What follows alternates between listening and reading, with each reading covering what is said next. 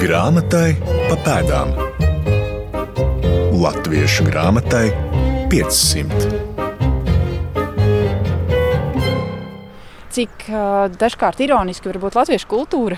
Tur tālāk ir šobrīd zeltains. Mazais miestiņš, ar ko iepazīstina Ginta Pērle Sīle, ir Palsmane. Šī ir pētnieces dzimtā puse, un nav jābrīnās, ka viņas pētījuma lokā ir viens no pirmajiem tautas dziesmu krājumiem, kas saistīts ar šo vietu. Paltsmariešu dziesmu krājums, izdots 1808. gadā, un vācējs ir vācu izcelsmes luterāņu mācītājs Friedrichs Daniels Vārs. Šis tautas dziesmu krājums tad arī būs mūsu raidījuma galvenā asa. Mans vārds Laima Slava, un es kopā ar Latvijas Universitātes Literatūras, Folkloras un Mākslas institūta pētnieci Gintu Pērli Sīli skaidrošu, ar ko īpašs vāra tautas dziesmu vākums, ko vārs vēl paveicis, kādi bijuši viņa uzskati un kādas izcelsmes vīrs viņš bija. Grāmatai pa pēdām. Nu, mācītāja kambars. Dosimies pa vāra pēdām. Vispirms uz Palsmanas evaņģēliski luterisko baznīcu, kur mūs sagaida Palsmanas baznīcas draudzes pārstāve Inita Zaharčuka un izrāda baznīcu. Nu, visi, kas ir atbraukuši uz Palsmani, ir bijuši ļoti pārsteigti, kāpēc mūsu baznīcā ir astoņi stūri. Nu, Nu, mums tā ir.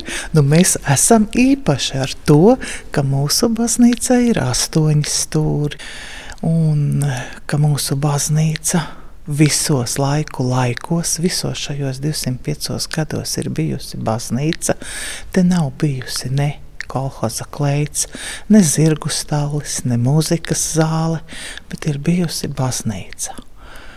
Zinām vēl kā Opekalna baznīcā arī ir ērģeles, kuras ir uh, uzstādījis un izgatavojis Gvido Knaufs. Vairāk tādu Latvijā nav. Nu, tas arī ir tāds patiešām unikāls šedevrs, kas ir mūsu baznīcā. Ērģeles skan, skan samērā labi eh, savam cienījamam eh, vecumam. Šī baznīca tā tad ir sena, eh, vai tā saistās ar vāru vārdu arī? Jā, šo baznīcu ir mācītāja Friderika Daniela Vāra vadībā cēluši vietējie zemnieki. Tāda mums tā informācija ir. Viņa vadībā viss ir noticis. Viņš ir arī šeit vēl kalpojis un apglabāts. Viņš ir šeit pat netālu, kā mēs vietējie sakām, kungu kapos pie Palsmanas Cirnava ezera. Tur ir bijuši mūža skati, un tur viņš ir apglabāts. Pirms kāda laika projekta ietvaros tika atjaunots viņa kapa piemineklis, un tad zinoši puiši ceļot viņu tur augšā un, un, un paceļot augstāk. Uh, zemes līmenī, viņš bija pietiekoši iegrimis. Viņi arī atrada divus ļoti interesantus akmeņus. Un viņi teica, no nu, tie ir no senos laikos tādus lika pa kapakmeņiem, kas te vēl apglabāts. Nu, tad pavisam nejauši jau arī tā informācija atnāk. Nu, viņam ir apglabāta šeit dzīves biedrene, un ir apglabāti arī vairāki bērni, kas ir miruši maziņi. Tā kā viņš ir simtprocentīgi palsmanietis. Mēs tā sakām, jā, jo te ir bijusi viņa, viņa mājas. Šī baznīca nu jau ir 205 gadi nosvinēti, un viņa stāv. Tad viņš ir ielicis ļoti, ļoti pamatīgus pamatus Palsmanē. Ne tikai ar šo unikālo celtni, bet ar savu personību kā tādu. Jo Viņš ir savācis palsmanas apgājumus, tautas dziesmas.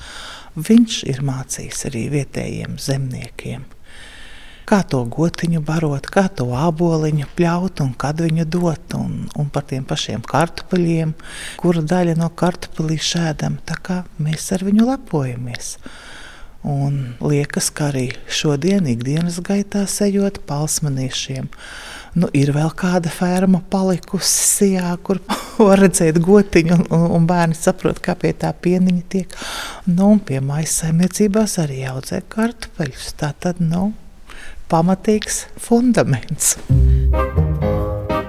Izpētes augsta. Baznīca celta ir 1817. gadā. Kā viņa teica, jau ir jau 200 gadu slieksnis, labi brīdi pārvarēts. Vāra laikā notika gan dievkalpojumi vācu valodā, gan latviešu valodā. Latviešu valodā agrāk no rīta, mužniekiem vēlāk, nu, lai var pagulēt no rīta. Ar baznīcā nākšanu bijis dažādi, bet arī tad, tā, tā vāra darbības laikā, var just, ka tie viņa centieni, ka ir jānāk un jāpiedalās un ar dažāda veida darbiņiem, tie dod augļus iemācāmies lasīt no sākuma, pēc tam jau viņa veikumos mēs redzam, ka viņš pats ir mēģinājis tulkot un adaptēt dziesmas, un tās ir arī drukātas Jālgavā ar mērķi parādīt plašāku to apvārsni, nepalikt tikai pie tautas dziesmām. Tāds apgaismības laikmetam atbilstoša darbība, kas arī rezultējas lasīt prasmes uzlabošanās un izaugsmē, Latvijas zemnieku izaugsmē. Friedrichs Daniels Vārs īpaši pievērsis uzmanību latviešu izglītošanas jautājumiem, cenšoties izskaust mājiņticību un sniedzot zināšanas jautājumos, kas uzlabotu viņa dzīves apstākļus. Inita Zaharčuka jau minēja kartupeļu audzēšanas aicinājumu un pamācību kartupeļu dārsts, papildina Ginta Pērle Sīle. Friedrichs Daniels Vārs ir tulkojis uh, Rauzu mužnieka Cekela sarakstīto kartupeļu dārzu kurā ir detalizēti izstāstīts. Kā kartupelis ir jāstāda, cik dziļi ir jāizroga bedrīte. Nekādu tādu mežonīgu aptekalēšanu kartupelim nevajag. Tad kā jāizrok, arī interesanti izrakt bedri un tad uz ziemu atstāt bedrē viņus apsedzot. Un tad tos jau nedaudz sasalušos, pēc tam var ņemt un ēst un, un, un, un gatavot tālāk. Zinot to, ka 18. gadsimta mm, beigās, 19. gadsimta sākumā bija dažādi ar, ar to rocību, un bija daudz bada gadu, un bija noplicināta zeme, un, un zemnieku stāvoklis bija nu, tīri pārtikas ziņā dažkārt diezgan, diezgan bēdīgs, plus vēl arī tīri fiziogeogrāfija, pālsmanis, kur ir kalni lejas, kur vai nu izdeg kalns, vai leja izslīkst, un mālā nekas ļoti daudz un labi neaug. Nu, teiksim, salīdzinājumā ar zemgali tas ir liels izaicinājums izdzīvot. Tad tie kartupeļi tomēr nāca kā tāda kā glābšanas stariņš. Ir interesanti, kā raksta arī tīri no tiem, tiem vietējiem novērojumiem, kā tur viņiem gājis. Ieteikums jums ir mazliet palicis tās labības, un tad atšķaidiet pusi uz pusi ar vārītiem kartupeļiem. Jums sanāks maize, nu, ka nebūs jāēd vairs tikko pirmie asniņi, kas iznākuši no zemes, tā nemetieties viņus plūkt. Vārs ordinēts 1771. gadā. Visu mūžu nostrādājis Pālsmanis un Almeistaru draudzē par to, ka sadzīve mācītājam bijusi tuva ar vietējiem cilvēkiem ar draugu, liecina saglabājies ziņojums ķeizarienei Katrīnai. Atšķirībā no visiem citiem mācītājiem, kas arī ziņo par vidzemi un stāvokli vidzemē, viņš ļoti detalizēti apraksta to, kas Pālsmanē atrodas vēl blakus tam, kas atrodas, viņš jau nosauc vārdos. Un um, ļoti interesanti. Piemēram, ja viņš saka, ka purvs purvā malā ir kalns, to kalnu sauc par āžu muguru. Un āža mugura tāpēc, ka pēc paskata līdzīga, kā āža mugura tikpat uh, grubuļā, nu, nelīdzena virsma. Un, uh, šādas zināšanas, ko viņš vēl fiksē ļoti daudz, piemēram, arī to, par to pašu tautas medicīnu detalizēti aprakstot, kā ir jāpagatavo uzlējums, kas palīdzētu pret vēdersāpēm. Ņemiet tur mazu gabaliņu ozola un tad sabērziet viņu. Un tik ļoti lielās detaļās to nevar izdarīt, ja tu neesi kopā ar cilvēkiem To varbūt var izdarīt, uh, ja kāds atstāsta, bet vajag jau dabūt to cilvēku, kurš tev uzticās un atstāsta, kā to dara. Par vāru uzskatiem un attieksmi liecina arī tiesas prāva. Mm, tikai trīs gadus pēc uh, iecelšanas amatā tiek rosināta lieta pret vāru, un to dara Almeistara uh, Možgungs, Bernhards Magnus Svuls. Viņš saka, ka jāceļ no amata, nedara galīgi, jo viņš dara vesels 33 pārkāpums. ir uzskaitīts detaļās, ko viņš ir darījis. Un tad ir sākot ar to, ka viņš neizpilda to baznīcas procesiju tā kā vajag, nelieto īstos vārdus, kādus vajag. Un paralēli tam tiek minēts arī, piemēram, Viņa raksturs neatļauj būt mācītājiem, jo viņš ir iedomājieties baznīcā, sakāvies ar vietējo skolmeistaru un piekāvis vietējo zemnieku, mēģinot atņemt viņam pērlis.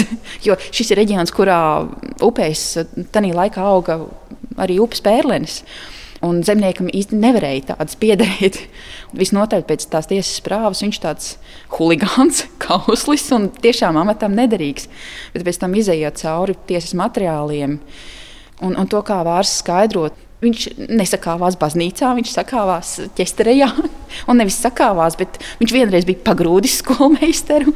Un arī tāpēc, ka skolmeistars bija uzbrucis pirmais. Nu, jā, tas rāda raksturu mācītājam, bet uh, otrs arī, kāpēc vispār šī tiesas prāva ir. Jo Vārs jau, jau savos pirmajos darba gados viņš šeit ir ienācējis. Nepazīst apkārtni, nepazīst īsti vietējo mužnieku tādas ragus un nagus.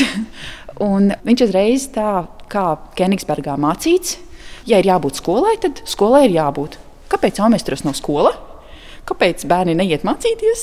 Ir jābūt skolā. Vienreiz prasa možniekam, možnieks neko nedara. Otrreiz prasa možniekam, možnieks saka, nu jā, bet tur bija Jāņi un tā un visādi svētki. Nesenāca vārds pa vārdam un vārds sūdzās virskonsistorijai. Nu, par to sako pilnīgi netīšām sako tiesas prāva, jo tik aktīvs eh, mācītājs nu, nav pieņemams. Viņš traucē mūžas attīstībai. Darba spēku nevar dabūt. Vienādi sakot, tiesas prāva beidzas patiesībā bez rezultātiem. Jo šī tiesa attaisno, nu, nesenāk tur nekāds nodarījums, viņa atjauno amatā, viss kārtībā. Pēc dažiem gadiem arī Pausmanis Muškungs mēģina atteikties no sava bikts tēva. Nesaskaņu iemesls skola. Vāram gribas vairāk naudas, lielāku atbalstu skolai. Situācija, kad pirmajos darba gados abi mūžnieki mēģina tikt no vāra vaļā, nogrieza viņam tālāku karjeras iespēju, norāda Ginta Pērle Sīle un uzsver, toties ir Pālsmanis puses tautas dziesmu krājums. Jo šī interese un sadarbība ar latviešiem mācītājiem šķita interesanta. Un, ja mēs skatāmies Kenigsburgā ielikto apgaismības interesi par, ja tā var teikt, zemāk stāvošajiem vai nu, par zemniekiem, kā par tādu izpētes objektu, tad jā, arī Vārs šajā ziņā realizēja apgaismības to konceptu. Viņš pētīja latviešus gan sākot ar vietvārdiem, kā prāžu muguru, gan arī pierakstot tautas dziesmas. Artefakta gaismā. Palsmanas mācītājs Friedrichs Daniels Vārs ir savācis un sakārtojis nodaļās palcmariešu dziesmu krājumu. Nodrukātas 413 tautas dziesmas, kas lielākoties ir klasiskas četrindes. Mm, spriežot pēc tā, kādas dziesmas ir savāktas, tas ir visticamāk darīts laukā. Piemēram, viņš ir piedalījies kāzās. Nevis eh, pie viņa atnāk un, un tad viņš sēž pie galda un pieraksta, bet otrādi viņš iet, piemēram, kādā talkā, kaut kur ir bijis darīšana, viņš ir pierakstījis. Lielākais vairums ir no kāzām. Tas nozīmē, ka ne tikai bija laulība baznīcā, viņš tika aicināts arī tālāk uz to pagānisko, kur tā, tie, tie visi rituāli, tā vainticība ir. Jo tās dziesmas ir daudz tādas pēc baznīcas tās jautrās daļas, tās, kas parasti tiem mācītājiem nepatika. Ja viņi aicināja, tas nozīmē, ka uzticējās. Tas nozīmē, ka viņš tomēr bija arī tiem, tiem mūsu zemniekiem kaut kas tāda pavisam cita tā dinamika sanāk. Atklājam tekstus! Andrejs Johansons Latvijas kultūras vēstures izdevuma nodaļā Tautas ticējumi un paražas raksta. Palsmanis mācītājs Vārs, pazīstamais tautas dziesmu krājējs, kādā manuskriptā piezīmē, ka ziedot vajagot katrai līgavai, kas vēloties būt laimes meita.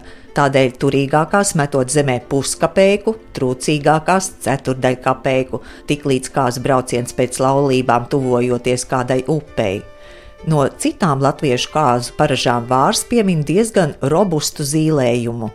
Jaunajam pārim sviežot pakaļ alus stopu, kuram tas trāpa pa galvu, tam esot izredzes uz garāku mūžu vai lielāku labklājību mājas dzīvē. Pausmans mācītājs tiešām iepazīstina tautas ticējumus un paražas, bet turpinājumā par tautas dziesmu krājumu, ko savācis Vārs, bet iespiedis Rūjienas mācītājs Gustavs Bergmanis. Savākts ļoti, ļoti liels pūrs. Tas ir pēc tā, ko viņš nosūta Gustavam Bergmanim, Rūjienas mācītājam, kas iespiež krājumus. Nosūtīts ir 500 dziesmas, no kurām ir atlasītas 413 un nodrukātas krājumā. Un arī ir interesanti, kā aizvies ceļi. Kāpēc rodas vispār pirmie tautas dziesmu krājumi, kuru autors un iniciators ir, ir, ir Gustavs Bergmans. Gustavs Bergmanis caur, caur bērnu aprindām Rīgā satiek Robertu Džeimsonu, kurš tajā laikā strādā pie bērniem par maiskolotāju. Džeimsons interesējas par skotu balādēm, viņu interesēja atrast pirmtekstu attīrīt tekstu no variācijām un saprast, kurš ir tas senākais, un tas pirmais, tas oriģinālais, tas autentiskais un īstais. Un, runājot, un arī Bergamanim esot ieinteresētam kultūra vēsturē vispār, rodas šī te. Pie Bergmaņa ir atrodamas Herdrams savā laikā sūtītās dziesmas. Viņš ir labos draugos ar Kristofu Hārderu no Rubenes, kas ļauj savākt jā, to latviešu mantojumu, tautas dziesmu mantojumu ar domu, ka tas varētu pēc tam noderēt Džeimsonam. Viņš arī, uh, Gustavs Bermans, arī tulko šīs dziesmas un mēģina paskaidrot, kas tajās ir domāts. Jo mm, Džeimsons nerunāja latviešu, nelasīja latviešu. Nu, pavisam, pavisam arī tradīcijas nezināja. Nu, lūk, ar domu, ka mēģināt atrast līdzīgus motīvus, līdzīgas tradīcijas mūsu kultūrā, Bergmanis vāca šo tautsdziesmu mantojumu. Un pirmais šis tautsdziesmu krājums Rūjienā tiek iespiests 1807. gadā. Pavisam neilgu laiku pēc tam ir vāra vēstule Bergmanim. Nu, jā, nosūtu jums 500 dziesmas, nu, ņemiet pa labu, kādas ir, Kādas ir, tādas ir. Vāram tā ir paša iniciatīva, nevis tāpēc, ka Bergmanis būtu lūdzis, norāda Ginta Pērle Sīle. Secība ir tāda: Bergmanis izdod pirmo tautas dziesmu krājumu, pēc tam seko vāra vākums, tad trešais atkal Gustava Bergmaņa krājums, kurā apkopotas no vairākiem mācītājiem iesūtītās tautas dziesmas. Atšķirībā no Bergmaņa, kur līdzās tautas dziesmām arī zīņķes, krogus dziesmas un balādes, Vāra krājums veidojas tīrs klasisko tautas dziesmu krājums, nav vāciskās kultūras ietekmes. Gintai lūdzu aprakstīt, kāds izskatījās palcmariešu dziesmu krājums un kā dziesmas sakārtotas. Iznāca maza tāda, tagad teikt, A5 formātā, e, numurētas dziesmas, arī uh, mana hipotēze ir, ka viņš ir noskatījies no Herdera tautas dziesmām, ka ir ievadziesma un ir noslēguma dziesma. Tāpat arī vāram krājumā ir ievadziesma un noslēguma dziesma, jo tāda ir acīm redzama šī prakse, ko viņš mēģina pārtulkot. Viņš ir pirmais, kurš ir mēģinājis dalīt krājumu nodaļās, un arī zīmīgi. Mēs nedrīkstam aizmirst, ka viņš ir vācu kultūras pārstāvis neizbēgami viņam iekšā šie priekšstati, kādam ir jābūt tam latviešu zemniekam. Un šeit savīs tāds, ka tas ir dabas bērns. Zemnieks ir tuvs dabai, viņš ir saglabājis šo seno kultūru. Ir interesanti, ka pirmā un lielākā nodaļa viņam ir lauku dziesmas. jo no dabas bērns taču. Tā tad ir, ir dabas bērns ar lauku dziesmām, kur arī no dažādām tradīcijām, tām pašām kāzām vai līgavas lūkošanas procesa ir dziesmas arī iekārtotas tajā lauku dziesmu nodaļā. Savukārt tas, kas ir kāza un precība dziesmās, tur jau ir jau procesu ilustrējošas dziesmas, vai bērres, piemēram. Nu, tāds, tā, tādi priekšstati tur arī vēl ienāk iekšā, tīri caur kārtojumu. Un pēc tam šo kārtojumu pavisam netīšām aizņemas arī Bergmans, kuram ir arī sava raudu dziesmu nodaļa, viņam ir kara dziesmu nodaļa, bet sākums atkal ir vāram. Tā, kur mūsdienās glabājas šis krājums? Ir Baltmīras dziesmu krājums, tas pirmais izdevums. Atrodas Akadēmiskajā bibliotekā, Ratumos. Tad viens ir Skotijā, Edinburgā, iekļauts ar Waltera Skota krājumā. Un tur mēs redzam arī to, to saistību ar Džeimsonu, ka Bergmanis savus, to, ko viņš ir savācis, visus nosūtīja uz Skotiju. Ja kādam mājās ir, lai, lai nes uz latviešu folkloras krātuvi, priecāsimies par oriģināliem. Balsmanieši to visu zina par vārdu tautas dziesmu epopeju. Nē, nu, tā kā Ginte ir palsmaniete, un viņa bieži pie mums ir, tad jā, viņa mums arī ir apgaismojusi. Jā, apgaismojusi. tā kā mēs varam būt lepni, ka palsne aug. Unikāli cilvēki, kas roka visu, ko vien var izrakt par dzimto vietu. Mēs tiešām lepojamies grāmatai pa pēdām.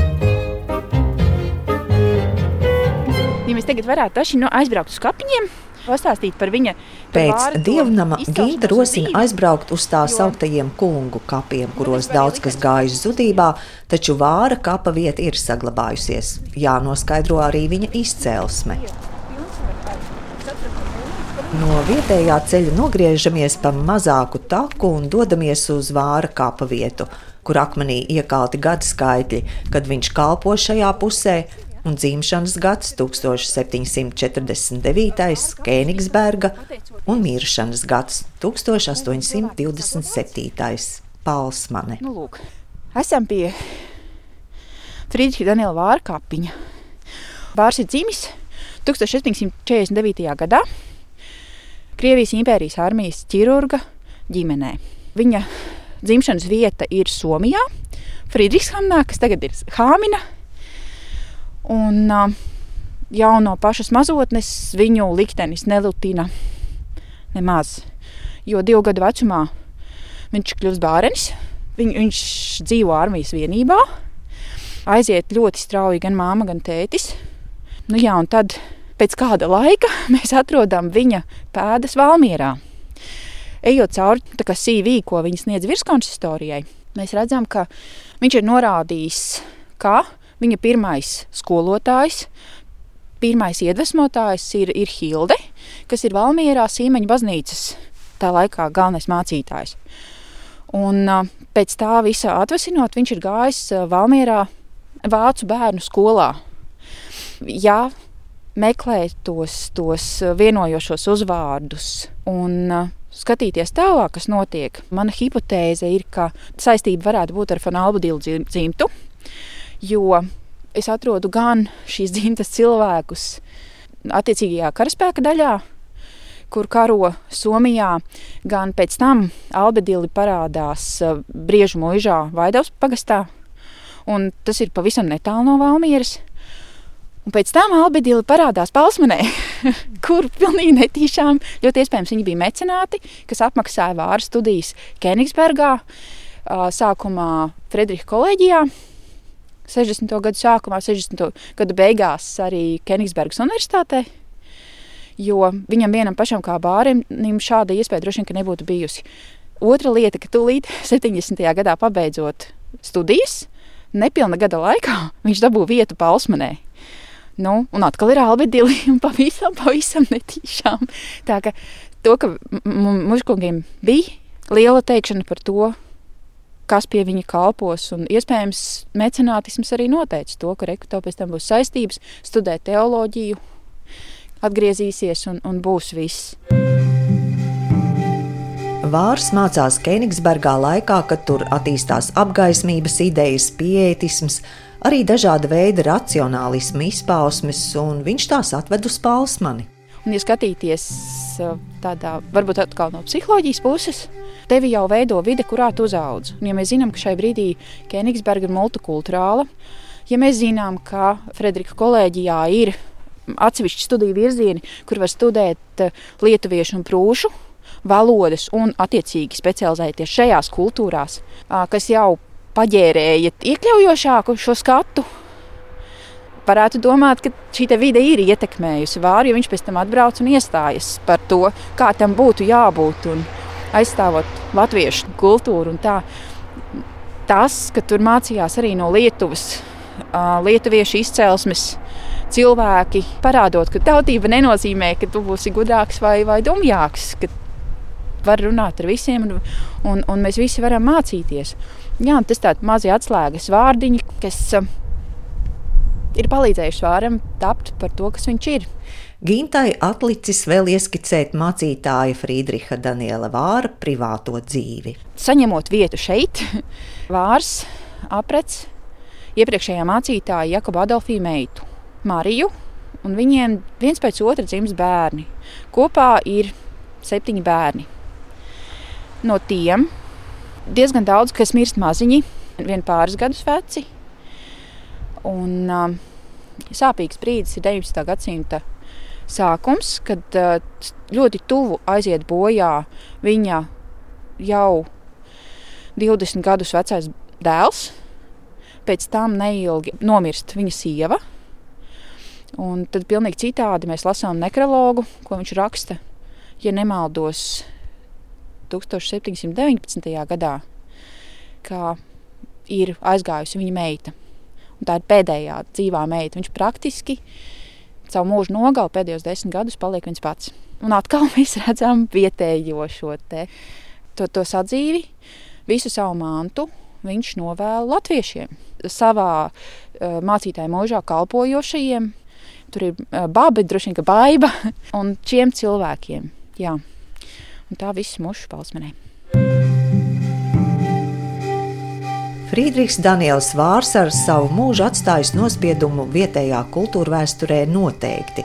Taču viņa vāktais tautas dziesmu krājums attiecas uz mums visiem, jo ir pirmais lielākais izdotais vienas personas vākums kas kalpojas arī par bāzi vēlākajiem tautas dziesmu vākumiem, tā skaitā Latviju dainām.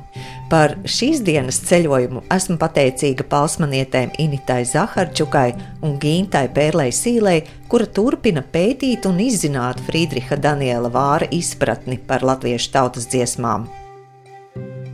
Izskan raidījums, ko veidoja Nora Mitspapa, Santa Lauga un Laima Slava. Raidījuma padomdevējs Latvijas Nacionālā bibliotēka. Šajā reizē nedaudz pieminējām Rūjienas mācītāju Gustavu Bergmani, kura mājas spiestuvē nāca klajā vāra tautas dziesmu vākums. Tad no nākamajā raidījumā atklāsim Bergmaņa daudzpusību un pārsteidzošos talantus. Grāmatai pa pēdām Latviešu grāmatai 500.